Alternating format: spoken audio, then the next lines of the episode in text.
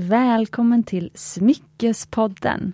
Det här är podden där vi pratar om äkta smycken och ädelstenar på ett enkelt sätt och bryter normer som präglat en annars ganska strikt bransch.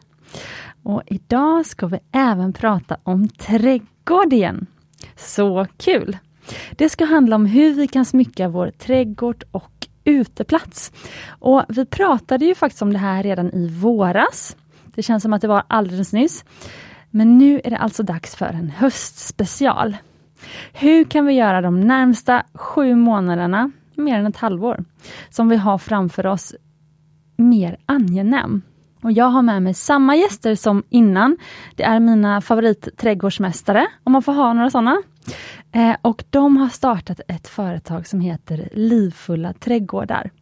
Och det som jag gillar med dem, det är att eh, jag kan säga att jag hittade dem när jag som gravid låg vaken på nätterna i vintras och läste trädgårdstidningar. Då eh, fick jag ett nytt intresse och jag fick även två nya trädgårdsidoler. Och eh, ni jobbar mycket med biologisk mångfald, så inte bara ska en trädgård vara vacker, utan den ska också gynna miljön. Lite som att eh, i köket där hemma så källsorterar vi. Och eh, då vill jag ju även att eh, trädgården inte bara är vacker, utan att den också gör något bra för miljön.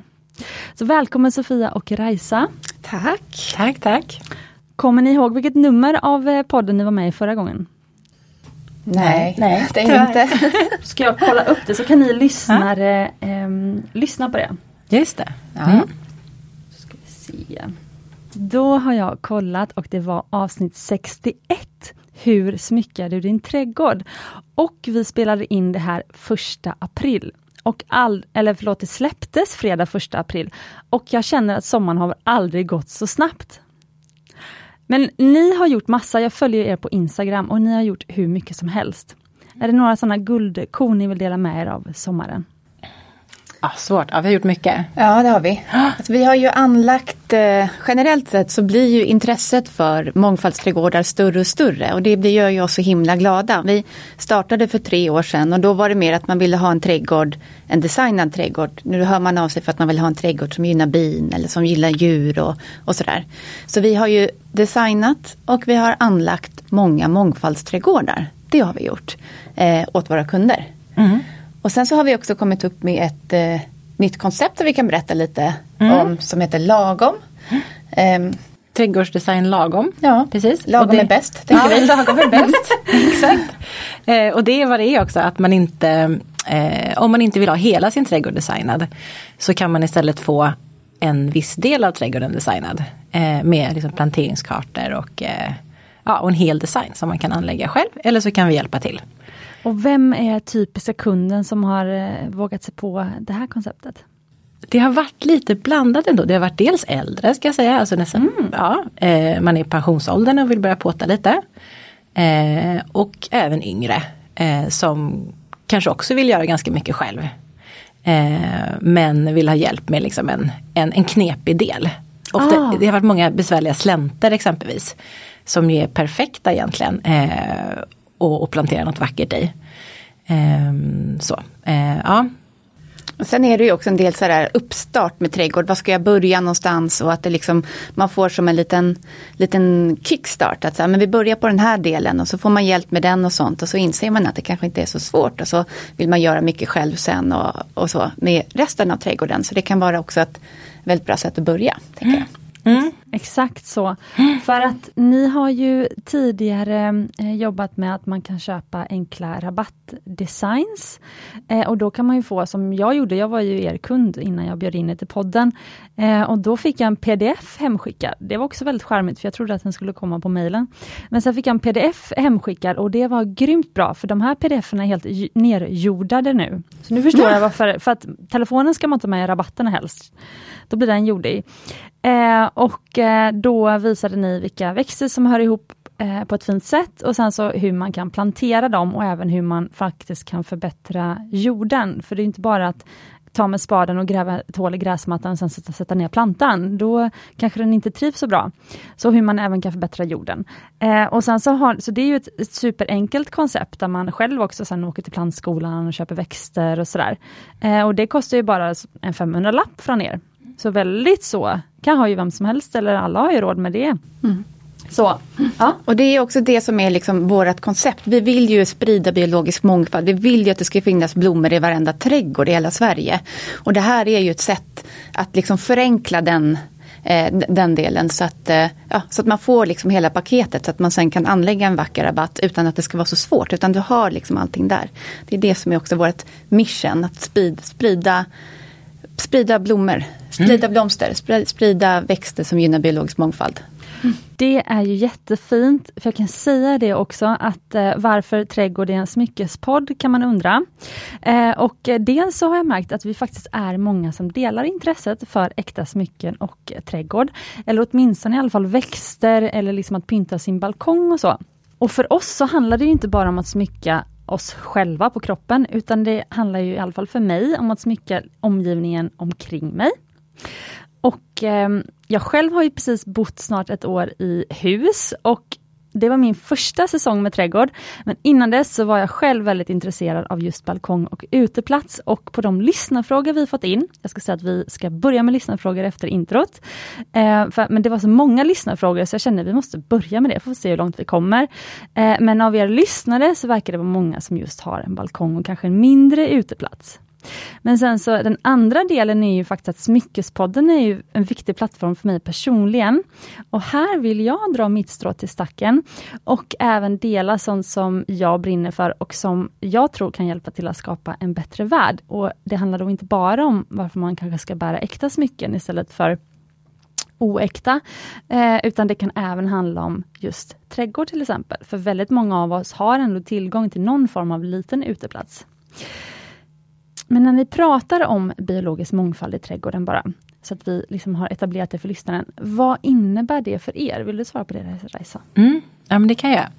Eh, jo men det handlar ju om att eh, man kan se på det på olika sätt men det handlar ju om att få en, liksom, en naturligare trädgård egentligen som är mer i samklang med naturen. Eh, så. Och så handlar det om att eh, ha något som blommar från tidig vår till sen höst. Så att det finns liksom pollen och nektar till, eh, ja, till pollinerare, fjärilar, bin och så vidare. Eh, så det vi, gör, det vi gör när vi designar en trädgård är att vi, vi, vi försöker tänka in omkringliggande natur och vi försöker att jobba mycket med växter. Mm. Mycket olika växter. Och använda, alltså, ska, vill man ha tak så använder vi träkronor i större utsträckning. Vill man liksom jobba med avskärmning så använder vi buskar. Mm. Eh, och så, så att vi använder mer grönmaterial kanske man kan säga egentligen. Eh, än vad traditionell trädgårdsdesign eh, gör, kanske i större utsträckning. Ah.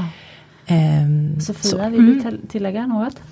Ja precis, precis det som Raisa säger. Olika, ol, mycket växter och olika växter som gynnar olika arter. För det är just det som man vill till. Att det inte bara en typ av bi som ska gynnas utan så många typ, olika typer av bin som möjligt.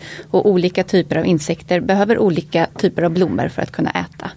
Så det är en grej. Men sen så också eh, bostäder. Att vi att hänga uppe fågelholkar eller att ha bihotell eller skapa, eh, lägga död ved, alltså tjocka knotiga grenar i, trädgård, i rabatten till exempel. Det är super, superfint. Det blir en vacker installation och det gynnar också skalbaggar och andra vedlevande insekter som är på nedgång eh, som så många andra insekter. Så det är mycket sådär att jobba med naturen och att också använda det material som man har i trädgården eh, till att bygga en eh, kompost till exempel. Eller mm. bygga en, jag byggde en, en pergola av en gammal hassel här i somras som blev jätte, jättefin. Eller en portal snarare. Som det kan eh, växa klängväxter på. Sådär. Och det, det finns så mycket resurser i trädgården så att eh, det är också en mångfaldsträdgård. Att se de som finns och sen så liksom skapa lite av ett kretslopp med att använda det som finns Mm. Eh, och det ska vi prata mycket mer om mm. också sen. Ja och sen ska jag säga, sen är vi också noga med eh, när vi kommer ut i en trädgård och tittar vad finns här. Eh, finns det ett stort eh, härligt buskage eller en jättestor vacker, ett vackert träd så försöker vi ta tillvara på det och tänka in det i designen mm. förstås. Så. Det är ju fantastiskt för att det kan jag också tänka mig att det har att göra med också att ni, eller ni kan göra så för att ni är så eh, engagerade med era kunder. Mm. För jag hörde till exempel Tarek Taylor faktiskt i en podd, ja i Odlarna podcast faktiskt. En trädgårdspodd som inte görs längre men som gjordes i fem år och som man kan lyssna på. Tips tips. Eh, om man, eh, sen när man lyssnat på alla avsnitt av Smyckespodden då såklart. Eh, såklart. Men då var Tarek Taylor med där och så pratade de om hur man kan förändra menyn på restaurangerna beroende på säsong och så. Och så sa han att Eh, men eftersom han inte var på sin restaurang då, det här var något år sedan, eh, hela tiden, då kunde inte de ändra menyn hela tiden. För att liksom, om man inte, om inte själv grundaren är där, så kanske man inte, eller liksom den som gör menyn, så kan man inte förvänta sig att ens eh, ja, men de kockar som bara jobbar på restaurangen så att säga, eh, att de ska liksom vara med och ändra menyn hela tiden. Och lite så med kanske traditionell trädgårdsdesign funderar jag på. För att, visst är ni trädgårdsmästare? Mm. Ja. Eh, men jobbar ju med trädgårdsdesign också, men trädgårdsmästare är väl ett snäpp högre i hierarkin kan man väl säga, det är längre utbildning. Ja, no, det, beror nog, okay. ja, det beror nog lite på vilken typ av utbildning tror jag man går. Det finns lite olika. Det finns en djupare växtkunskap skulle jag säga, mm. eh, när man okay. är trädgårdsmästare. Ja. Mm. Um, för att uh, det känns som att vissa trädgårdsdesigners i alla fall applicerar samma koncept på väldigt många trädgårdar. Och det kan man ju om man struntar i vad som redan finns på de olika platserna. Um, så så det är ju liksom en väldigt unik grej som jag också tycker gör er väldigt liksom värdefulla. Så. Ja, vad roligt. Mm. Ja men för det är ju verkligen det här att man har ju också, ofta också som nybliven trädgårdsägare, att man har kanske en syn om vad en trädgård är. Mm. Men att man också genom så här, bara genom samtal, eller genom att ge andra idéer och sådär, men du kanske ska behålla det här stora trädet. Eller är det så fel att ha den här fina gröna mossan på just det här stället? Måste du riva bort den? För att mossa, ja det tar bort för, liksom tar renar förorenad luft till exempel och det mm. finns massa liksom, små djur som lever där. Och så.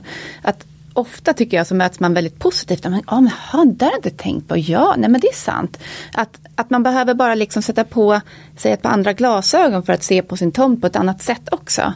Och där kan ju vi Ja, det blir jättemånga intressanta och fina samtal mycket med kunder och att de har en idé från början men sen så i slutändan så blir resultatet ganska annat också. Eh, just för att vi vänt om inom situationstecken, gör jag här nu med fingrarna. Eh, nej men att man har lite utbildat i, i vikten av biologisk mångfald och också de möjligheterna som finns. Se, att se dem helt enkelt. Mm.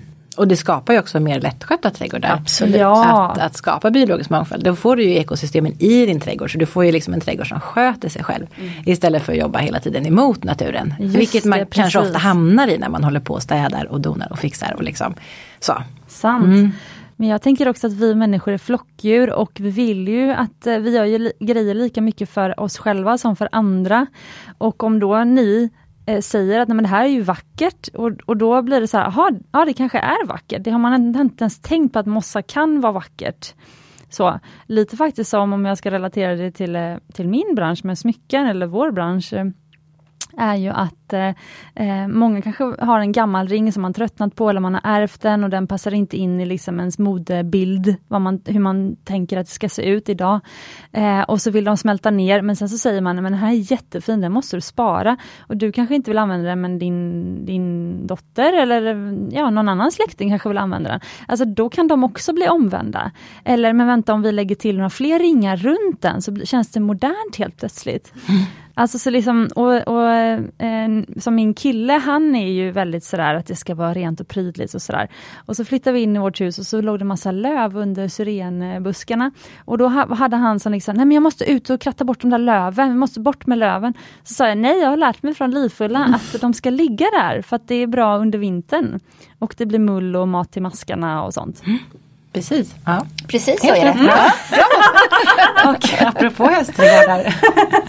ja. apropå hästträdgårdar och mossa så är ju också mossa nu kommer ah, man ju ah, inse sant. hur fantastisk mossan är. För nu är det grönt och det är fint och det är liksom Ja, det är ju liksom otroligt vackert med mossa nu eh, på hösten och vintern. Ja, snygg mm. övergång där, precis. Mm. För att eh, när jag bjöd in er så frågade jag er, vill ni köra en höstspecial? Liksom liknande som avsnitt 61, men nu är det höst och nu ska vi liksom göra vackert för hösten. Sen så frågade jag på Instagram om lyssnarfrågor och det verkar vara många av er lyssnare som är nybörjare på trädgård, man kanske nyss köpt hus. Eh, och eh, jag har fått in väldigt roliga frågor om vart man ens ska börja. Liksom. Eh, så jag, och jag känner att så här, vi men sen har jag förstås fått in eh, eh, frågor, bland annat, vi har fått in frågor om bland annat belysning och vintergröna växter och typiskt lite så höstfrågor. Men jag känner nu att vi får liksom köra igång med lyssnarfrågor. För det är trots allt för er lyssnare som vi sitter här idag. Eh, och sen så kan, finns det väldigt mycket att prata om efteråt, eh, tror jag. Och då frågade jag Raisa och Sofia innan om de i så fall kunde tänka sig att komma tillbaka till podden och spela in ett avsnitt till. Och det kunde de. Så om vi inte hinner med allt, då kan de nog komma tillbaka. Mm. Men först innan vi drar igång med lyssnarfrågorna så vill jag ändå prata lite grann om, om de smycken ni har på er idag. Och eh, igen faktiskt så börjar vi med dig då Raisa. eh, du har ju ett härligt trähalsband på dig. Ja, jag ett äkta trähalsband. ja precis, det tyckte jag var härligt. Ja. Eh, och jag har filmat och lagt ut, jag kommer lägga ut på Instagram såklart. Mm. Eh, och sen så eh, hade du lite ringar och sådär. Får ja, berätta? Lite hopkok av ringar får man väl säga. Ja exakt, ja, men jag börjar med trähalsbandet. Jag tror jag nämnde det när jag var här sist faktiskt. Just att jag är ju väldigt känslig för nickel. och, alltså metaller generellt tror jag egentligen. För det är inte bara nickel, ens jag kan nästan inte ha något. Så. Um, så då är det här trähalsbandet egentligen det enda jag har kunnat ha. Ja, det känns nästan lite fånigt men det har blivit ganska dåligt liksom. Så, att, så jag har ju verkligen, det här har jag ju verkligen använt flitigt. Så, annars får jag ha ett halsband liksom en kortare tid. Men det här kan jag ha länge. Det är ju verkligen ingen fara. med trä. Det blir väldigt personligt också. Eh, ja. Eh, vi som då vet vad du, ditt största intresse eller ett av dina största intressen och vad mm. du jobbar med och så. Ja exakt och det här köpte jag ju för 15 år sedan ska jag säga på Hennes Mauritz tror jag dessutom när jag pluggade på universitetet. Så det här är ju, var ju egentligen långt innan jag läste till Bydnavis trädgårdsmästare också vilket är lite kul. Fantastiskt. Ja. Och så hade du en rolig story om din ring. Ja just det, sen mina ringar. Det är liksom en liten slump. Det ena är en vigselring i och för sig. Men de andra är eh, ja, den, den största ringen den satte jag på mig eh, när jag skulle åka till USA och plugga ett år. På universitetet också. Och kände mig lite förvirrad och lite så här oj hur ska jag klara mig bort ett år. Och då hittade jag den här ringen i min mammas byrålåda. Så tänkte jag att ja men den sätter jag på mig som ett litet minne. Mm. Eh, så. Ja och sen har den bara blivit på. Och sen har den ju gått sönder lite också ser jag nu. Jag har tappat liksom eh, de här stenarna och sådär. Men eh, ja, Då får du lämna in den till en guldsmed. Ja, okay. Så kommer det lösas. ja, ja, ja, ja absolut. Mm. Det är det bästa med äkta smycken. Det är bara att lämna in och så eh, ordnar vi upp det. Ja, mm. Nej, för kan, den kan jag ha. Och den andra gjorde jag på en möhippa. En sån här tunn liten ring bara. Och en, min kompis möhippa. Och, eh, ja, och den tredje Eh, vet jag faktiskt inte ens var den är ifrån. Nej, den okay. satte jag bara på mig. Jag hittade den hemma. Ja, ja. Härligt. ja. Och Sofia, du är ju guldtjej. Ja, jag är guldtjej. Jag gillar guld. eh, jag med. Ja, men jag tycker det är väldigt fint. Nej, men jag har ju ett, eh, som sagt, jag gillar ju så symbolik i smycken och sånt. Mm. Och sen så jag väljer ganska mycket smycken utifrån vilken kraft jag behöver idag. Det ja. låter lite flummigt men så är det verkligen. Eh, idag har jag på mig runt halsen ett, eh, ett träd ett, i, i guld. Eh, jag tänker just på den här vikten att så här, känna sig rotad och mm. jordad och ja, lite av det vi ska prata om idag och sådär. Och sen så även ett, eh, ett hjärta som jag fick när jag föddes. Sen, sen, ska jag säga också i örat, ja. syns inte nu under de här stora, men så har jag eh, den här kvinnosymbolen. Den, den, har jag ofta mycket, också i guld med små diamanter på. Den är också, ja, blir inte starkare symbolist än det. Under dina stora poddhörlurar. Exakt. Och så har du kreoler ser det ut som, eller ringar i öronen. Som ja, sticker exakt, lite fram, exakt. stora. Mm. Um, och jag blev faktiskt, sen vi var här sist så blev jag så inspirerad med det här med smycken så jag gick och tog ett hål till nej. i örat. Ja, så jag ska kunna ha lite mer saker på. Så, det är roligt. Vad kul! Och så har du lite ringar också? Jag har lite ringar, jag har lite ringar, lite olika, lite olika färger. Uh, lite sådär det är min väg till att bli en spansk tant. Jag vet så här, spanska tanter som bara går på strandpromenaden. Ni ser de så här kvinnliga och färggrant klädda och gärna rosa hår. Så det, jag gillar det det här är min väg dit. Det är mitt mål i livet med. Ja. Bli en spansk tant, eller italiensk tant, eller nej, spansk tant som bor på Ibiza med vacker trädgård. Mm. Oh, perfekt ju. Ja. ja. Fast nu bra känner jag att jag trivs så bra i trädgård i Sverige att jag är inte säker på att jag behöver Ibiza. Men det är en annan. Du kan bli en spansk tant ja. i en svensk trädgård. ja, ja. Och influera din trädgård. Ja, precis. Jag lyssnar faktiskt just eh, på en annan trädgårdspodd då, eh, på vägen hit i bilen och då pratar de om pioner.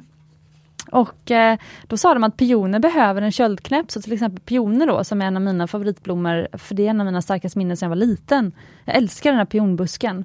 Eh, då, eh, pioner behöver en köldknäpp för att kunna blomma, så jag tror inte pioner finns i till exempel Spanien. Nej. Nej, Nej. kan nog stämma. Men vissa behöver ju den här köldknäppen för att de ska liksom komma ner i vila ordentligt och kunna eh, hämta kraft. Eh, så att de måste liksom bli kalla. Så då, så då det är det svårt. Det är svårt i Spanien Precis. med pioner. Ja, men då, det blev ett ganska långt härligt intro, men är ni redo att köra igång med lyssnarfrågor? Yes, box. Yes!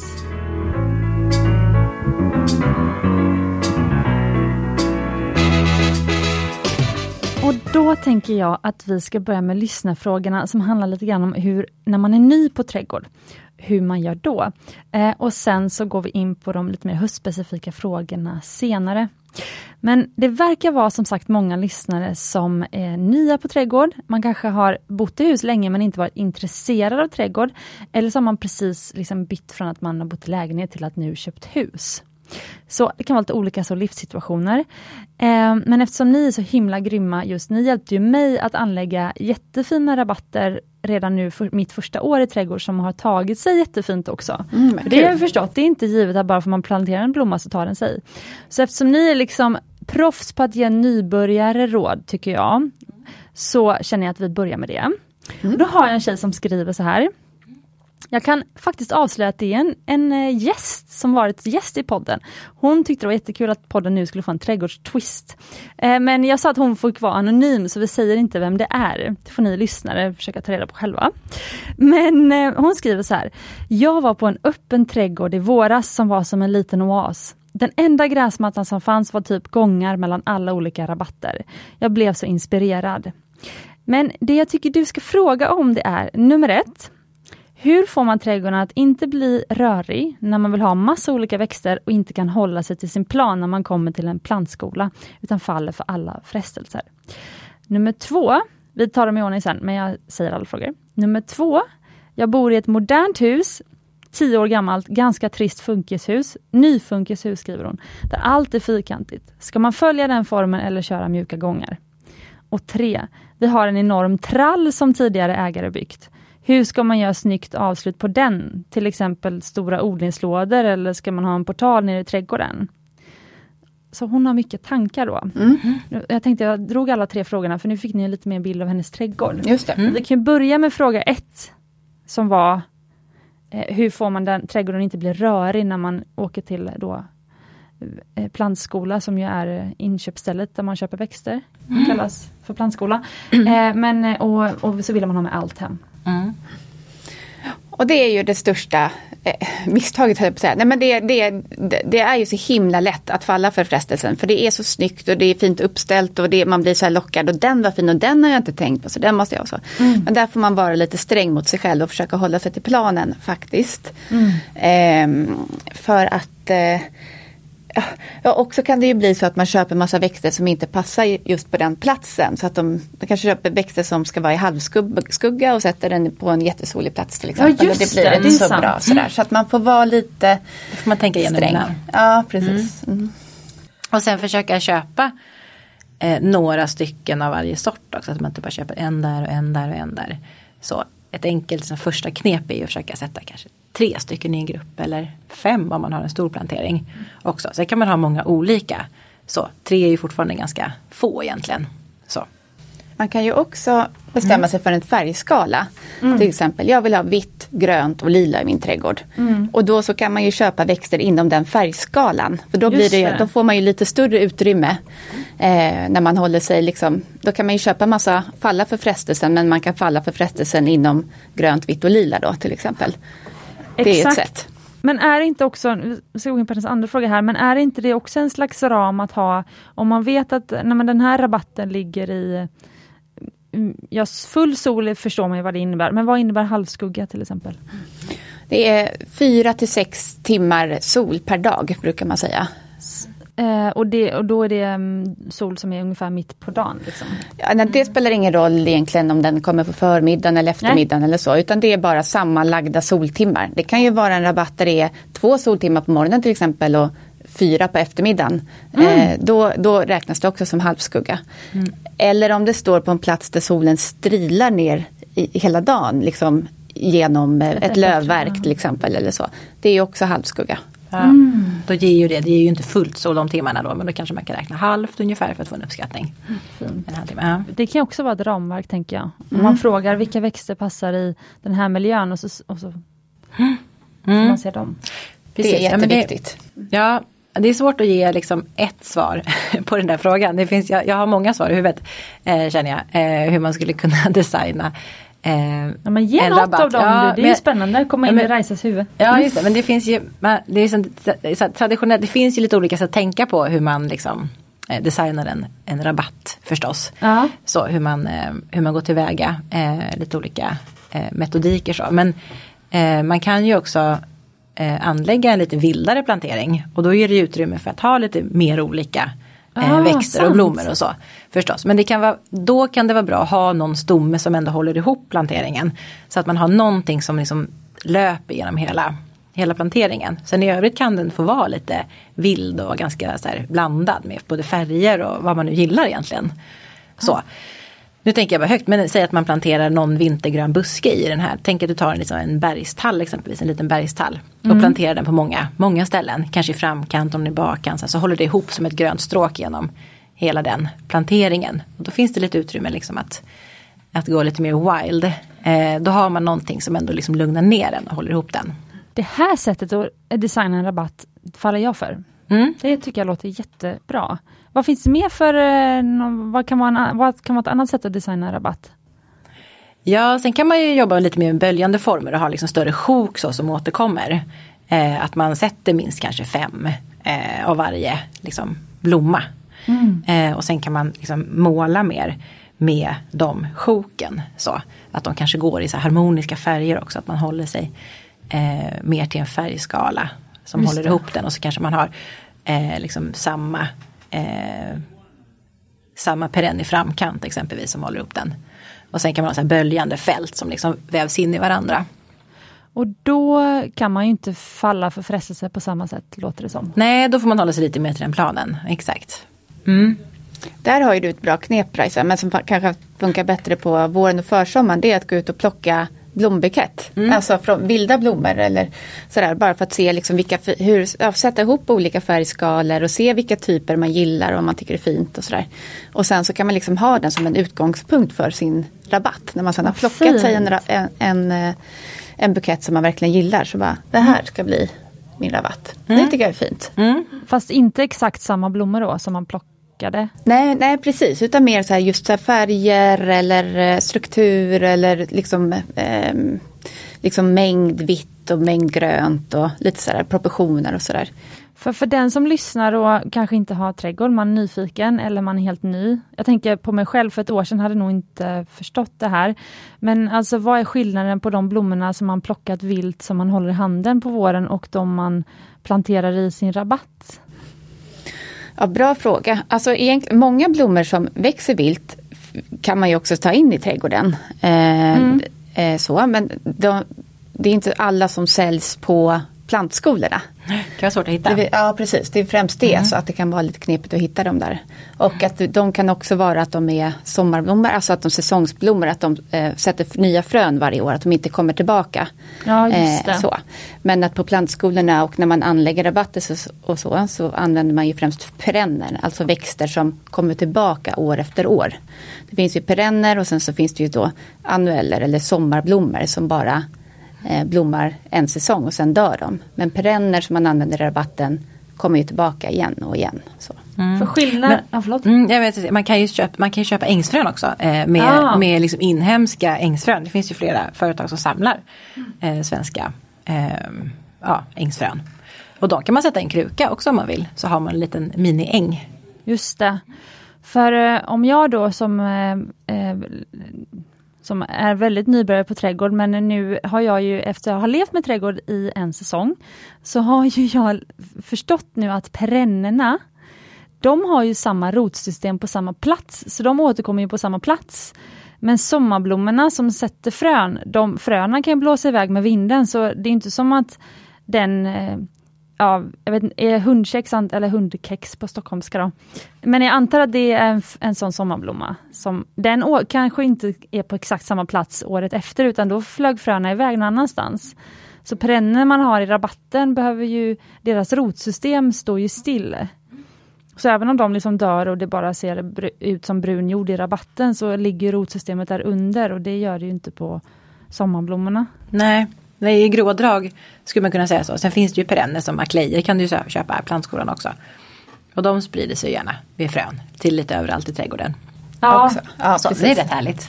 ha lite aklejer. Men rotsystemet ligger väl kvar? Ja men du har ju kvar ja. ursprungliga. Ja det kommer du ha om du köper en perennia. Mm. Ja men bra. Mm. mm. Kommer mina aklejer komma upp nästa år igen hoppas jag. Mm.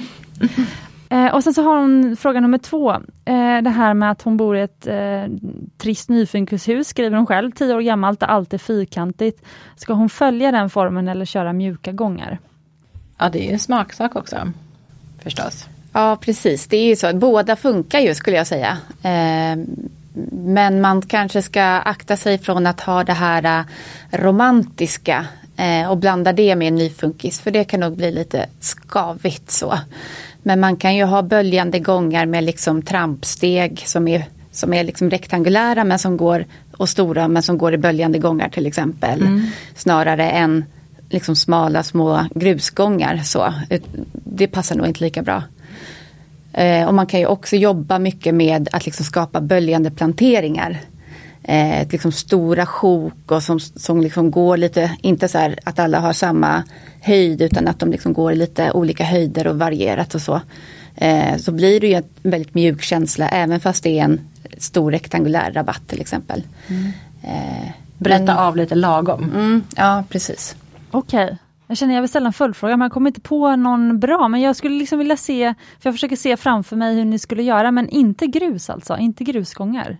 I alla fall inte sådana här små slingrande grusgångar skulle jag nog inte göra eh, när det gäller ett nyfunkishus. Utan det tycker jag passar mer lite mer så här, trähus, lite mer sekelskifte. Eh, ja, sen absolut liksom putsade hus också men just inte funkisstilen. Okej. Okay. Eh, för, eh, okay. för hur ser ett funkishus ut i ert huvud om ni skulle beskriva det? Jag föreställer mig ett vitt hus som är lite mer som en låda. Ja precis. Så, ja. Mm. Då tänker jag samma. Mm. Stod det vilket år, vilket år det var ifrån? Eh, nej men 2012 nej. då gissar jag. Ja, ja ungefär hur, tio år gammalt som. Ja huset är tio år gammalt. Ja huset ah, är tio okay. år gammalt. Mm, I funkisstil. Ah, ja, ja. Okay, mm. Hon skriver jag bor i ett modernt hus, tio år gammalt, ganska trist nyfunkishus. För, Just det, man skulle vilja se det framför sig faktiskt. Jag skulle vilja se en bild innan man kan... Um... För hon säger också det här att hon var ju på en öppen trädgård i våras som var en liten oas. Den enda gräsmattan som fanns var, mellan, var gångar mellan olika rabatter. Hur får man till de här liksom, gångarna utan att det då blir romantiskt och fel stil? Eller? Ja, ja man kan göra, det finns ju massa olika sätt förstås. Eh, om man inte vill hålla sig till grus. Det är jättefint, ja, det är jättefint att eh, använda sig av trampsten. Alltså göra exempelvis eh, nu om jag, om jag ser det här huset framför mig så ser jag också framför mig att man skulle kunna ha eh, lång smala stenar, eh, trampstenar alltså och lägga efter varandra som en liten gång. Och där kan det också få växa in lite lite växter, liksom lite timjan och så här emellan de här trampstenarna. Men att de ändå är rätt så fyrkantiga i formen. Så att man har, får lite både och. Eh, och att de kan slingra sig i sin tur men att man ändå får det här fyrkantiga och det slingriga samtidigt. Förstår du vad jag menar? Ja. Då kan man kanske balansera på ett bra sätt mellan det var som Sofia sa, det här med trampstenar. Ja, du var inne på det exakt. Och då såg jag, då såg jag det här framför mig genast. Jag tänkte, Jättefint, ah. för då ser jag framför mig, för att jag har ju sett att man kan göra tramp, man kan ju gjuta stora betong, eh, trampstenar i betong, som är stora rektangulära, så det behöver inte vara de här pyttesmå som man hittar liksom i sekelskifteshus, liksom de här små runda stenarna. Eh, så att det är sant, då kan det bli skitsnyggt med raka rabatter. Mm. Eh, förlåt, raka gångar. Mm. Och rabatter. Mm. Och även granitstenar bara som man kan lägga ju efter varandra ja. som en gång. Men som, leder sagt, mm. mm. Ja, förlåt, jag avbröt det. Men jag tänker just det här att liksom man tänker rabatten att man skapar dem liksom som, lite som kudd, lite kuddar. Alltså någonting så här mjukt som bäddar in mm. huset. Så att man får den känslan om det är väldigt så här rakt och fyrkantigt. Liksom. Och då får man det här mm, bädd, inbäddningen med hjälp av stora sjok och böljande sjok. Så där. Så. För det var ju även hon som inte kan stå emot allt kul, i, allt kul och fint i plantbutiken. Mm. Hon har varit med i podden så hon är smyckesälskare. Och vi smyckesälskare, det är ju som eh, Louise, min poddkollega, sa i ett avsnitt. Man, man har massa ringar, men man får aldrig nog. Samma med växter då, man har massa växter, man får aldrig nog för det är en ny blomma och så blir det så fint och så en ny färg och sådär. Så om ni då ska tipsa henne om, kanske jag tyckte det var fint eran tanke om att man kan ha en bas i rabatten och sen så kan hon ju då gå lite loss i plantskolan med det som är fint. Mm. Eh, vad skulle då vara fin bas? Och då kan vi säga då, vi kan ju, om jag får önska då, eftersom det är lite höst nu idag, eller när vi släpper det här, eh, idag med i och för sig, men eh, då skulle det vara fint att kanske ha någon vintergrön bas, Mm. eller? Ja. Ja, det jag, jag, jag tror nog bergstall tror jag är jättefint. Ja, Också lite funkis. Ja, Alltså, aha, barr, okej. eh, alltså generellt något, något barrigt skulle vara väldigt fint. Ah, okej. Mot, alltså det är ju klassiskt funkis också. Mm. Ehm, kanske en formklint idegran kan man ju ha också. Mm. Ehm, ja, eller en är också väldigt fint. Det finns ju både enar som kryper och enar som har väldigt fina former. Det finns massa olika enar för den delen. Det är både silver och blått och grönt och gult. Mm. Så det kan man experimentera med. Och sen är det ju här att eh, många så här, kunder som vi träffar är lite, när vi säger barrväxter, de bara nej, nej, det Ja, vill jag jag inte känner lite ha. samma.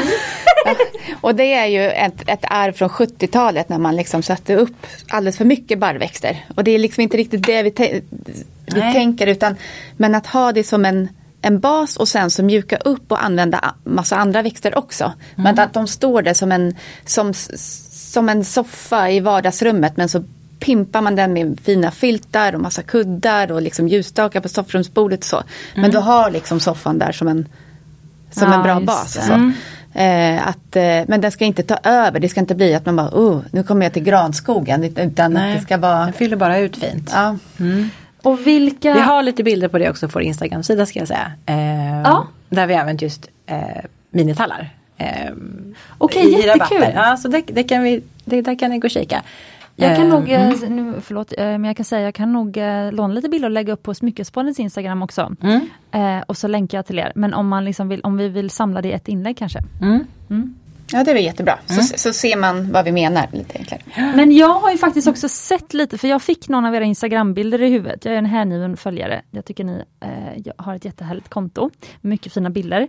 Ehm, och jag, jag får upp några bilder i huvudet där jag tror att ni har faktiskt använt de här eh, lite barriga växterna tillsammans med massa härliga eh, blommor. Alltså perenna blommor. Eh, vill ni ge då några tips som hon kan kanske söka upp på plantskolan eller så? Om, eh, som kanske passar då så att hon blir övertygad om det här med någon, någon, någon, något barrigt. Mm, ja, precis. Ja, men nu tänker jag på en plantering som eh, är väldigt trevlig. Där vi har just minitallar. Eh, och sen så har vi ju rölleka. Pinus, mug och mops Ja, heter Pinus, de. mug och mops. Just Eh, den sorten. Som är, Latin? Ja, okej.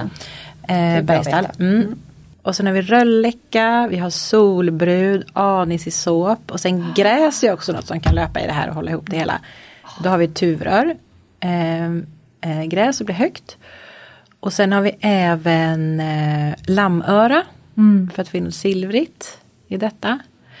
Ehm, ja, det är det. I den planteringen. Eh, och det, ja. Just det, och även solhattar, alba, passar jättefint. Då har vi, det här går ju i varma toner och blått, den här planteringen. Så den går i terrakotta, vitt, gult och eh, lite mer orange och i lite blått. Ja, lite mörklila. Ja, lite, ja, lite mörklila. Mm. Jag ser den här bilden, jag tror att jag använde den här bilden i frågeboxen. Ja, du gjorde det, ja precis. Ja, den var helt underbar. Ja. Jag blev så här att jag ville kopiera den här rabatten. Ja. Ja, eh, du som skickade in frågan, du kommer älska de här eh, kombinationen. tror jag. Mm. Ehm, och sen så har hon, det sista var att hon hade en enorm trall som en tidigare ägare byggt. Hur ska man göra ett snyggt avslut på den? Just det, avslutet. Vill man Eh, ha som ett avslut som liksom då, tänker man sen, vill man ha som ett avslut som ett insynsskydd eller vill man ha bara ett avslut som mjukar upp och snyggar till? Så.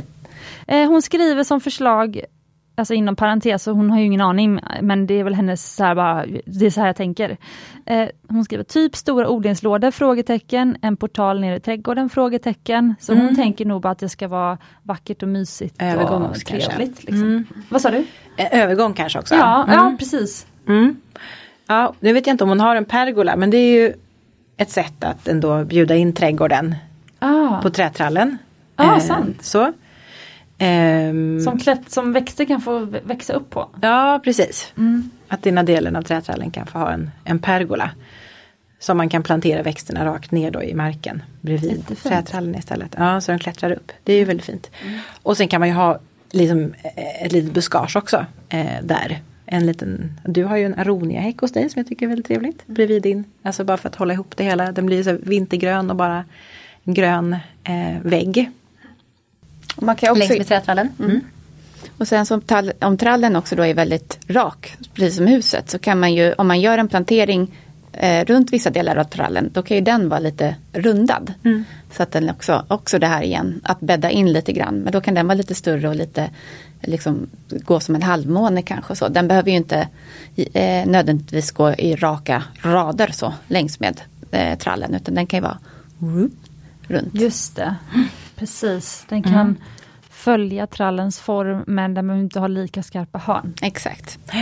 Och gärna våga ha något högre närmare trallen också. Mm. Ehm, en träkrona exempelvis. Kanske slipper man ha parasoll. Något fint Eh. dekorträd, har ni några tips? Det finns ju jättefina mm, eh, prydnadsapel.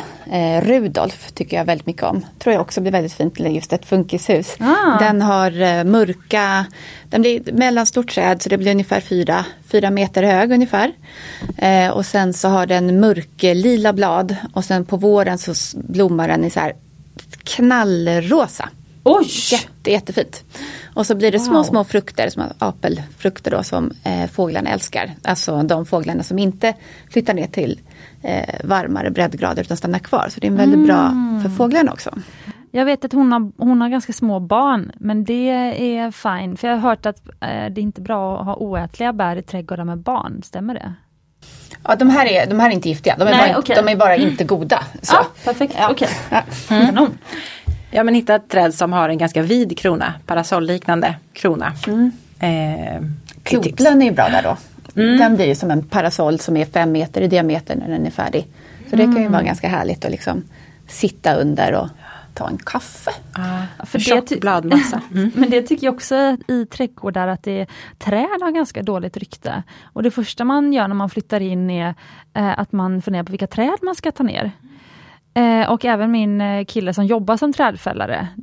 Väl, deras kunder är ju ofta nyinflyttade i husen. Och så ska de bestämma vilka träd man ska ta ner. Mm. Och så känner man så här, men vänta ett år och se vilka träd ger skön skugga. Mm. För jag såg en bild om det var något, någon kommun som hade ett Instagramkonto där man följde trädgårds, liksom de kommunträdgårdsmästarna under, under sommaren. Men då la de ut en bild där det stod så här, eh, därför, gillar vi, därför älskar vi träd.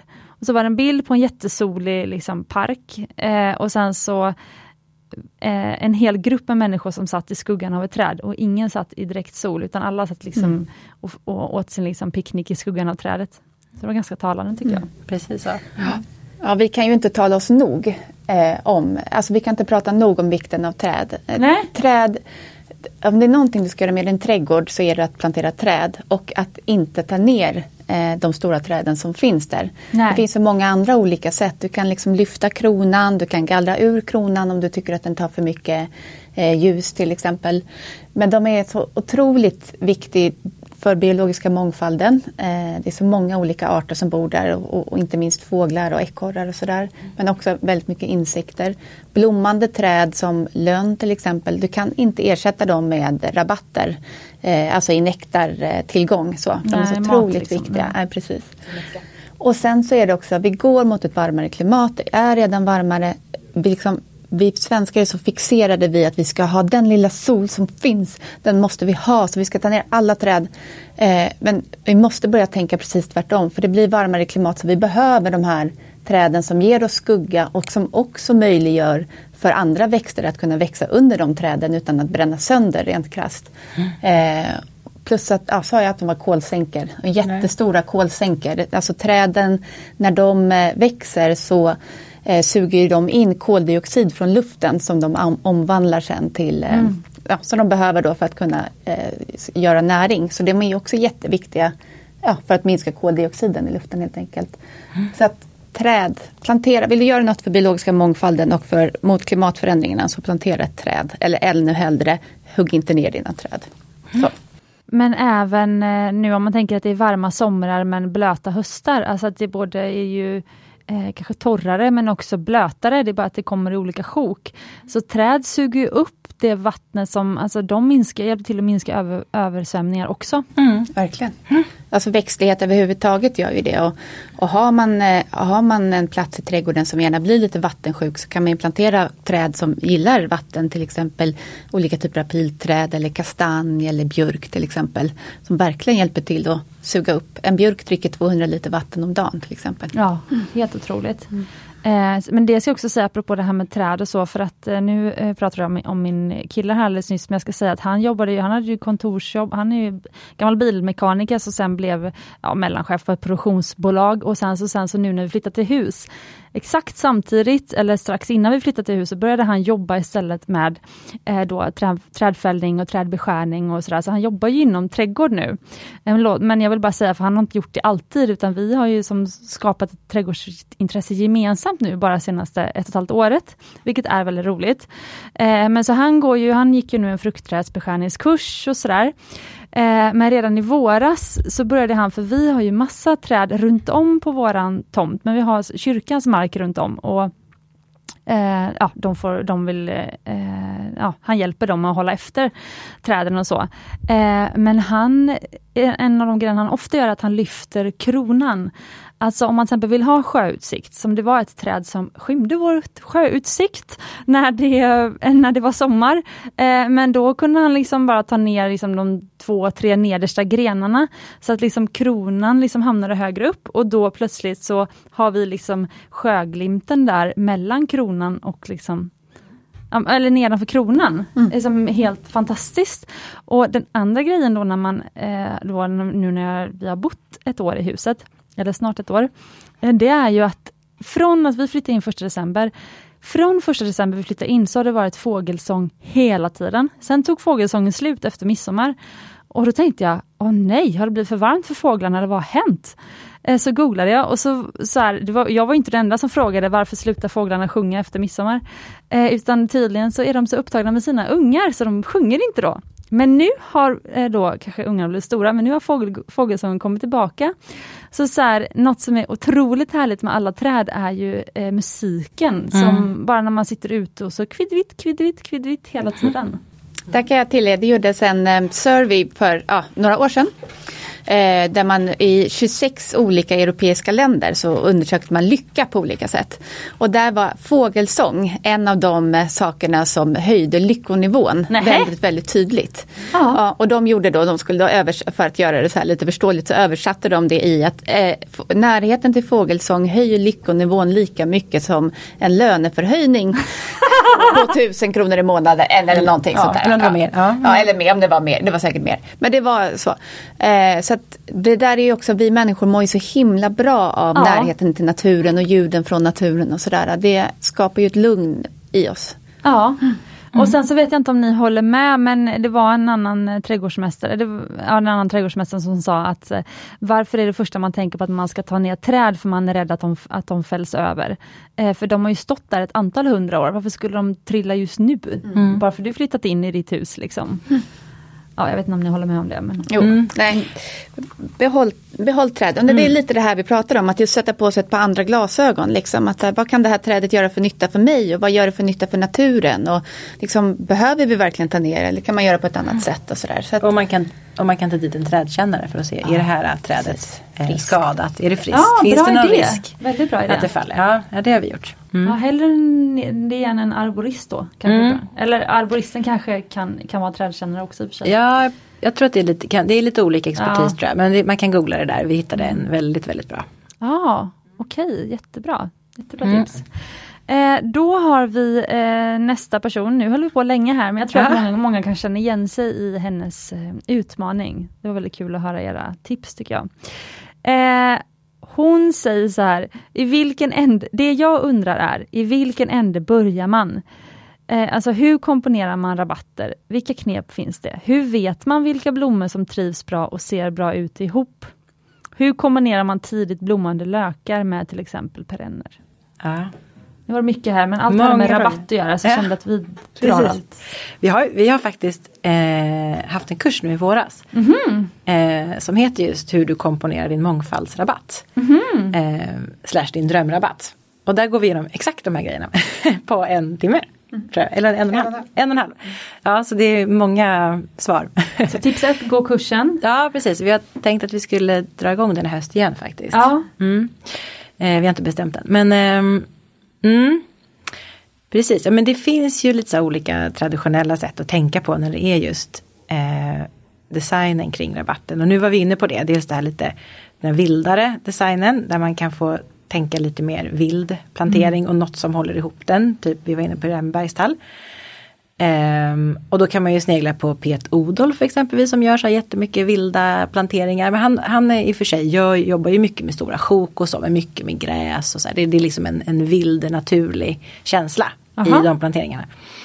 Uh, om man vill se, om man vill få lite inspiration. Men sen, Va, pi, mm, vad heter han? Pet Odolf. Pet du vet inte, du har inte snubblat över honom än i ditt Nej, jag ska googla sen. Nej. Ja, det måste jag. Ja, nej, men han är eh, otroligt uppskattad och har liksom eh, gått i, vad ska man säga, det kallas ju för den nya, eh, säga, nya perennvågen. Jaha! Eh, så, som han har, eh, ja, många anser att det är han som liksom gått i bräschen för den. Så. Vad kul, kul kring, tips. Kring designtänk. Ja, så det kan ni ja, kika på det. Men, eh, och sen kan man ju tänka i de här vävande fälten. Så här, sjok så när man återkommer med perenner eh, och mer väver ihop det. Eh, så det är svårt, man skulle nästan vilja visa här nu, rita upp det. Men, ja. men, men visst är det så, bara om, om jag ska, alltså, för vissa växt, alltså blommor, man tänker att man står på plantskolan och ska välja perenner, så har ju vissa olika roller i rabatten. Ja, precis. Alltså du kanske inte kan byta ut den här pionen mot ett gräs, alltså ett så här högt prydnadsgräs bara sådär, för de har ju olika roller. Mm. Eller? Exakt, ja men så är det också. Precis. De har lite olika funktioner eller lite olika byggstenar i en rabatt kan man tänka. Ja för visst gräset står sig på vintern till exempel och pionen mm. är ju Pionen gömmer sig under jordytan på vintern. Mm. Mm. Precis, men man får ju ha en kombination också av, av eh, växter som har lite mer eh, blad och liksom substans. Just det. Så, och lite mer uppstickare. Eh, får man tänka också. Så att det liksom fyller ut i rabatten. Så man har både utfyllnad och, och uppstickare. Just det. Eh, så, ja. Så är det också. Och marktäckare kallas det för ofta. Solitärer också kallas det för. Eh, ja, så om jag ska... Då är det mer som en uppstickare. Mm. Ja, för eh, om jag ska då kanske översätta, om jag tänker att eh, för att jag själv skulle förstått det för ett år sedan. Mm. Eh, men typ en riddarsporre kan ju mm. gå upp eh, en, två meter över och se ut som en stor, bara en rak liksom kandelaber nästan. Mm. I helt fantastiska färger. Eh, Medan en eh, näva till exempel eh, då ligger nere vid marknivå och liksom fyller ut så att man inte ser jordytan och kanske hjälper till att hålla undan ogräs och sånt. Mm. Så det, då kan, är, kan riddarsporren då vara en solitär eller uppstickare och eh, nävan är en marktäckare eller? Mm. Ja, ja men exakt så. Men vi har, och sen, precis, ja men så är det. Um, uh, och vi har ju lite olika så här favoritkombinationer också. Um, som vi ofta uh, jobbar med. Alltså, ja, men det är ett sätt att kombinera, precis det du säger nu. Mm. Och sen kan man också titta på blom, blomformen. platta blommor, som exempelvis rölläcka. Eller solhattar som är så väldigt liksom plattare. Och sen så finns det ju spiror som steppsalvia och anisosåp. Ah, och kantnepeta och så. Och det är också ett sätt att kombinera dem. Att man kombinerar liksom spiror med platta. Att man försöker tänka i kontraster hela tiden.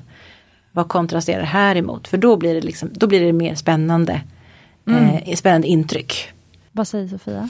Nej men eh, jag håller med att eh, jobba med stora sjok för att få den här härliga masseffekten men också att de här sjoken får kontrastera varandra. Mm. Så spider versus platta precis som du säger, eller kolvblommiga. Ja, eh, det är jätte, jättefint och också eh, men om man ska börja då helt från början så tänker jag att man ska En sak som är bra att börja med det är entrén. Som man alltid mm, har en härlig entré. Mm. Eh, och också att man då tar in ganska mycket vintergrönt och liksom i den entrén så att den är snygg året om. Så man tänker en del vintergrönt och gärna lite eh, prydnadsgräs som också står snyggt så eh, över hela året. Så att den håller sig över hela året. Och sen så kan man liksom pimpa till den med lökar och, och perenner och så på våren och sommaren. Mm. Eh, men att man också så här, för att veta vilka blommor man ska köpa, att man kontrollerar så här, vad är det för typ av plats. Alltså vad, vi måste utgå från platsen. Är det blåsigt här? Eller är det en skyddad plats? Eller mm. är det sol hela dagen? Är det skugga hela dagen? Och så.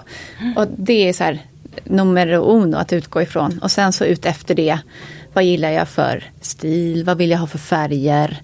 Och sen så kan man ju gå till plantskalan och säga så här, hej jag gillar de här färgerna, eh, jag gillar den här stilen och det är det här läget vad ska jag köpa? Ja. Så. Det Ja, och jag tycker att man ska antingen då, alltså jag tycker att alla skulle ha nytta av den hjälpen jag fick från er. Och, eh, vilket, och ni har ju då eh, produkter i olika prisklasser. Men bara att så här, ni, jag fick en pdf där det var de här blommorna ska du plantera, så här många varje sort i det här mönstret. Det var, gick ju inte att göra fel om man bara läste instruktionerna. Eh, och jag har ju lärt mig så mycket bara på att se de rabatterna som jag planterade från er utvecklas under säsongen. Och sen ska jag säga att det var en rabatt som blev precis så som jag hade tänkt. Det var den här sommarskuggan i det skuggiga läget. Den blev superbra och helt intakt och nu har jag köpt lökarna ni rekommenderade för att, och planterat nu precis så att de ska komma upp i vår. Eh, men sen var det en rabatt som var helt fel för jag trodde det var ett fuktigt läge. Det visade att det var ju torraste stället Eh, alltså det var så torrt och soligt hela sommaren på det stället. Och då planterade jag rabattdrickis. Ja. Jag har fått flytta om helt och hållet och skapa något helt nytt. Men det som var så roligt är att mitt bästa tips eh, för den som också är ny på trädgård som liksom jag är och har varit är ju att bara åk till plantskolan, alltså inte Blomsterlandet utan åk till Gustavshill eller Rosendal eller Ulriksdal om man nu tror jag ju dem i Stockholm då för det är de jag kan. Eh, där jobbar ju utbildade trädgårdsmästare. På Blomsterlandet kanske det är butikspersonal, de kanske inte ens har koll på, på växterna på det sättet. Så liksom åk till de här riktiga plantskolorna, fina trädgårdsbutikerna och eh, kolla, inte bara fråga personalen, men kolla också vad som blommar. Så om du åker dit en gång i maj, köper lite växter då, en gång i mitten på ja, juli eller augusti och sen så nu en gång i september. Eh, då får du med dig också blommor som blommar, då kan, ser du hur de ser ut. Mm. Ser du vad som blommar då, mm. som ändå är hyfsat i säsong. För också på Blomsterlandet, då blommar ju lavendel i september, vilket är helt fel. Mm. Så om du åker till de här riktiga plantskolorna, då blommar de ju rätt tid. Liksom. Och då ser, då kan du, jag har ju komponerat, fast jag har ju varit i min trädgård hela året å andra sidan. Så mm. om, jag är ju väldigt intresserad. Eh, men då har jag ju planterat om och flyttat växter och komponerat under säsongens gång. Liksom. Mm. Jo men ja precis, ja men det är förstås, man måste ju också titta när blommar växterna. Ja. Så man inte sätter en steppsalvia och tror att den ska blomma tillsammans med höstanemonen exempelvis. Nej. Alltså så, nej men då blir det ju, precis det måste man eh, det får man eh, googla på innan. Ja. Och som du säger, eller åka dit och titta. Så... Verkligen. Men, ja, nej, men för att summera så tror jag man ska försöka man, man, får försöka undersöka växterna för det är svårt att veta i början. Men är den här växten, är den en, en solitär, en uppstickare som inte har så mycket bladmassa utan som du säger bara sticker upp liksom som, ett, som en kandelaber liksom, ja. eller som en liten knapp liksom, i, i, i rabatten. Då eh, får man ju kombinera den med växter som har större bladverk och breder ut sig mer. Eh, som stjärnflocka exempelvis kanske som har ett ganska tidigt bladverk och som breder ut sig. För då kommer det bladverket täcka, annars blir det ett stort hål där eh, om man har alldeles för många sådana perenner bredvid varandra. Mm. Mm. Det. Mm. Men det är det som är kul med trädgård, men det är också det som gör det svårt tror jag för att om man inte sett, om man inte vet hur en stjärnflocka ser ut, jag vet knappt det, fast eh, lite grann tror jag jag har koll. Eh, men, eh, men då, hur ska man kunna kombinera rabatt med en stjärnflocka? Så det, det tar ju ett tag och därför kan det vara bra att i alla fall första året att man kanske köper en färdig rabatt av någon eller en färdig rabattdesign. Mm. Av den anledningen så du i alla fall får något att börja med. Liksom. Mm. Eh, tycker jag. Mm. låter det som att jag har, att ni har betalt mig för att komma hit. Men, eller för att jag ska säga det här, men det har jag ju så det stämmer absolut inte. Sen säger hon också så här. Ehm, sen alla pratar om rum. Hon har väl läst i trädgårdstidningar och så antar jag. Men konkreta verktyg för att definiera och planera de rummen. Jag fattar också att det bara är att skissa och sen testa och testa på nytt. Men har ni några mer konkreta verktyg? Jag tycker att man ska tänka så här, vilken plats eh, trivs jag på? Ja. Var är vi? Vart dras vi till? Liksom, vad finns, det, finns det någon vacker trädkrona där jag ofta liksom står under och tänker? Eller ja, vart, vart hänger vi och hur går vi dit? Så. Ja. Och så är det en plats där man, ja, man dras till, man trivs, där det är bra energi där och så. Där är perfekt plats att bygga ett rum och sätta en häck runt till exempel. Men det kan ju vara både Ja, man kan ju välja om man vill ha liksom en typ av buskar runt eller om man vill ha ett blandbuskage eller om man vill sätta upp tre eller fyra, fem träd med, så här, en, eh, med stora kronor och skapa som en liten lund där man vill sitta Ja, under. det. det finns ju massa olika sätt att skapa rum så, eh, med just växtmaterial. Mm. Det klassiska är ju en syrenbärså. Ja, egentligen. just det. Mm. Och det är ju helt underbart med en syrenbärså. Sitta där och dricka sitt, sin flädersaft på Precis. sommaren. Ja, bra tips. Men utgå från när man trivs då. Kanske Ja. att börja med det rummet. Vad vill man göra där? Precis. Jättebra tips. Och sen är det också portaler in till rummen. Det är ju alltid så härligt att kliva igenom en portal. För det Mm. Ja. känns som att man bara, "Mm, då går jag verkligen markerar att man går in från ett ställe till ett annat. Så, så det är också ett väldigt enkelt sätt att, att skapa ett rumskänsla, att göra en enkel portal när man går igenom. Jättefint. Mm, kul. Och sen säger hon också så här, sen funderar jag på hur man kan smycka en gräsmatta runt till exempel äppelträd för att göra det lite mysigare. Mm. Precis, ja men det är ju ehm, Ja men det går ju att göra på många sätt men ett bra eh, En bra växt är ju näva exempelvis som har ganska grunda rötter. Det är det som är eh, hemligheten så att de inte Ja, ska bråka. Så, så näver är bra. Eh, timjan, men det beror på hur mycket sol man har där förstås. Eh, men näver är väl det vi använder flitigast egentligen. Och de tar ju ingen när, de, är så, de lever på så lite näring också så de tar ju inte så mycket näring från jorden Just som ska det. gå ner till trädet i övrigt. Sen finns det ju massa näver i massa olika färger och de har lång blomning och ja, näver är bra. Just det. Eh, sen har jag sett, eh, det var en trädgårdsmästare jag var hemma hos faktiskt. Han hade sått en liten sommaräng runt ett träd, som en cirkel. Liksom. Mm, fint. För så som du pratade om tidigare, så här, det var väl med sommarblommor, eller att man kan köpa lite ängsblommor i frö. Mm. De vill ju också ha väldigt näringsfattigt. Mm. Eh, så det kanske kan vara något. Mm. Verkligen. Då måste vi nästan göra lite eh, reklam för Pratensis då. Får vi göra det? Ja, vad är det? Vad är platensis? Pratensis det är Pratensis. ett, eh, ett eh, företag som eh, har specialiserat sig på svenska ängsfröer. Jaha! Så de går liksom ut och plockar eh, ängsfröer som de sen säljer i fantastiska kombinationer för alla lägen. Superekologiskt, eh, jättebra för eh, pollinerare och så. Så där köper vi alla våra ängsfröer ifrån. Wow, vad kul! Okej. Eh, nu känner jag att eh, jag har gjort ett eh, ganska dåligt jobb som podcast-host faktiskt. Ehm, för att vi har inte hunnit prata om, jag har inte kopplat samman inledning med eh, avsnittet nu riktigt. Vi måste ju prata lite om eh, lyssnarfrågor som har med höst att göra också. Vi i alla fall får in det, men det kanske blir så känner jag ändå, för att nu vet jag, du måste till färjan snart också. Mm. Du har ju åkt eh, fär, båt från, he, eh, från Nacka till stan. Mm, Det är precis. en sommarpendling. Eller ja, eller pendling året om faktiskt. Jaha, ja. Dessutom, nu gör jag reklam för Nacka här också. Långt ut Nacka, ja då kan man Ja. åka båt. Häftigt. Ja, jag ska säga det nu, vi spelar in 22 september så att, eh, mm, det är faktiskt eh, det är full, full, full höst nu. Mm. Eh, men, eh, men då eh, hoppas jag att ni vill komma tillbaka så vi kan fortsätta. Men bara, vi kan ju ta några lyssnarfrågor som hade att göra med eh, höst. Då. då har vi fått flera lyssnare på båda våra eh, håll, eller fl- flera Instagram-följare på båda håll, som har frågat om hur man ska tänka kring belysning i trädgården.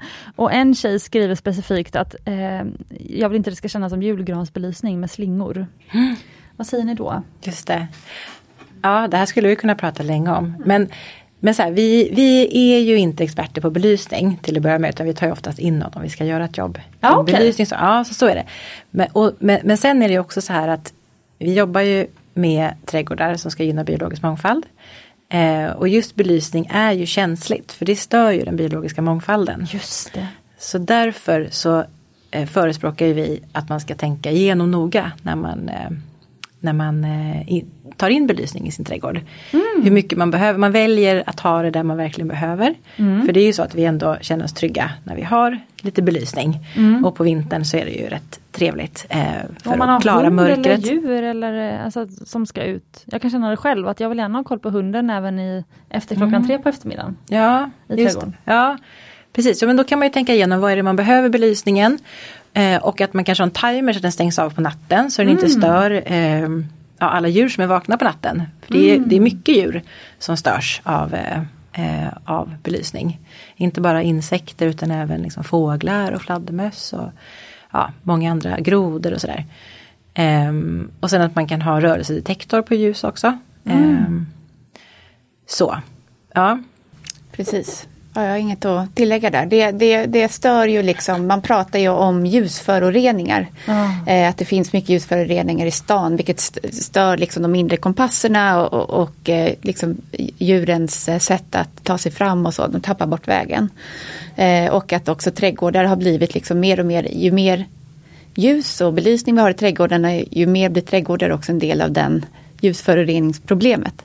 Men sen som sagt så vill man ju, alltså det skapar ju en trygghet och, och lite ljus ska man ju såklart ha.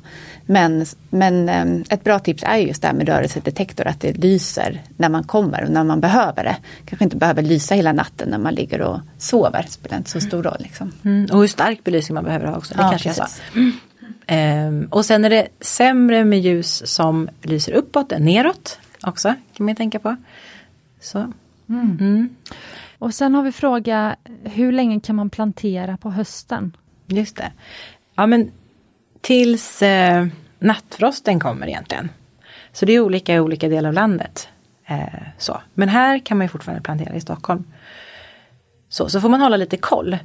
Ehm, om man ser att det ska bli noll eller ja, noll egentligen på natten så kan man ju lägga över en sån eh, täckduk. En sån vit. Just över det, sina planteringar. Mm. Ja, en sån, precis. Och då, det räcker oftast. Ehm, det gör att det klarar sig. Men då har jag en fråga för att måste, om man planterar det på torsdagen och på fredagen blir det frost. Har rötterna tagit skada då? Alltså måste rötterna ha en stund i jorden för att klara av köldknäppen eller inte? Det är svårt att säga ja eller nej. Eller, ja, det är svårt att säga hundraprocentigt men oftast så klarar det det. Ja, så, okej. Om det inte fortsätter kanske att vara frosten i lång, lång tid. Men, men det är väldigt sällan det är det utan det är ju någon natt här och där. Så, här. så lägger man en duk över så brukar det klara sig. Mm. Och det är mycket bättre att plantera nu på hösten så att man ska inte vara rädd för det. Än att göra det i vår. Det är stor sannolikhet att det torkar och dör i vår eh, också. Så att, mm. Förstår. Vi har flera anläggningar som vi ska göra nu i mitten, slutet på oktober. Så plantering. Ja, okej. Ja, Här är bra att krokarna. veta. Mm. Mm, Okej, eh, nu ska jag eh, släppa iväg eh, Rajsa här. Mm. Eh, nu har vi pratat om, eh, om man är nybörjare på trädgård blev det ju nästan ett avsnitt om snarare. Eh, och sen så, vi hade, jag har ju fått lite frågor om balkong. Liten balkong, någon har balkong i norrläge och lite sådär. Eh, det tänker jag att vi får nästan köra till nästa avsnitt. Eh, och sen så tänker jag att vi kanske ska, för att ni har ju en, en eh, mång, jag har skrivit en mångfalds-pdf, det är en av de sakerna som jag gillar mer. Ni har alltså skrivit en flera sidor lång eh, pdf som man kan ladda ner på er hemsida, där ni ger 14 tips om hur man kan eh, liksom underlätta för djur och, och småliv även på hösten och vintern. Eh, och jag tänkte att ni skulle få dela lite av dem i nästa avsnitt också. Så just den här liksom höstspecialen. Vad tror ni om det? Mm. Det Jättebra. låter jättebra. Eh, och ni som vill tjuvkika, ni kan såklart gå in på eh, Livfullas hemsida redan nu och ladda ner den här pdfen, helt gratis att läsa. Men jag tänker att vi kan även eh, prata om den eh, och runt de här punkterna i nästa avsnitt. Eh, har ni något som ni vill eh, tipsa lyssnarna om, om man tänker på det vi har pratat om idag? När man har en ny trädgård eller sådär. Alltså jag skulle vilja säga något som vi pratade om på vägen hit är att man inte ska liksom fokusera trädgårdsarbetet till våren. Man tror att allt ska ske på våren utan ut Liksom nu, an, våren, maj är ju nästan mer stressigt än december många gånger för det är så mycket som ska hinnas med och sådär. Ja. Utan liksom ut och bygg komposter nu eller gör, eh, plantera nu eller sätt upp fågelholkar nu, sätt upp biohotell nu. Planera nu, bara gör så mycket du kan nu och så är det klart till nästa eh, till i vår så blir det liksom mindre stressigt. Så jag tänker bara att så här, mitt tips, eller vårt tips är att se hösten som en jättestor trädgårdstid. Mm. Starten på nästa, Ja. starten på vår trädgårdssäsongen. Superbra tips! Och då vill jag faktiskt även tipsa om en bok som eh, du som lyssnar kan köpa. Som, där, den heter Snickarglädje i trädgården. Eh, den köpte jag till syrran eh, faktiskt och eh, där är det, handlar det om allt som man kan bygga växtstöd, man kan bygga portaler, eh, alltså man kan bygga planteringsbord. Allt sånt kan man bygga även när du inte just kan plantera, men som även kommer hjälpa växterna Exakt. under året. Bra tips. Ja, så kul! Tusen tack för att ni kom hit. Tack. Och eh, om man vill följa er så ka- kan man göra det på Instagram. Ja, ät livfulla. Mm. Mm. Eh, och har ni, vill ni ge era mejladress eller, eller något annat eller är det där man eh, kommer, i, kommer i kontakt med er? Ja precis, Eller, och där finns ju länk till vår hemsida. Så det är info at livfullaträdgårdar.se. Som är er mejl. Det är vår mejl ja. inte hemsidan. Nej, hemsidan, precis. Länken till hemsidan finns ju på Instagram. Men den är också www.livfullaträdgårdar.se. Mm. Och där hittar ni mejl. Jättekul att ni ville komma hit. Eh, stort tack för att ni tog er tid. Tack för att vi fick komma. Tack så jättemycket. Och eh, du som lyssnar, eh, glöm inte att eh, du är värd att smycka både dig själv och din trädgård och din uteplats.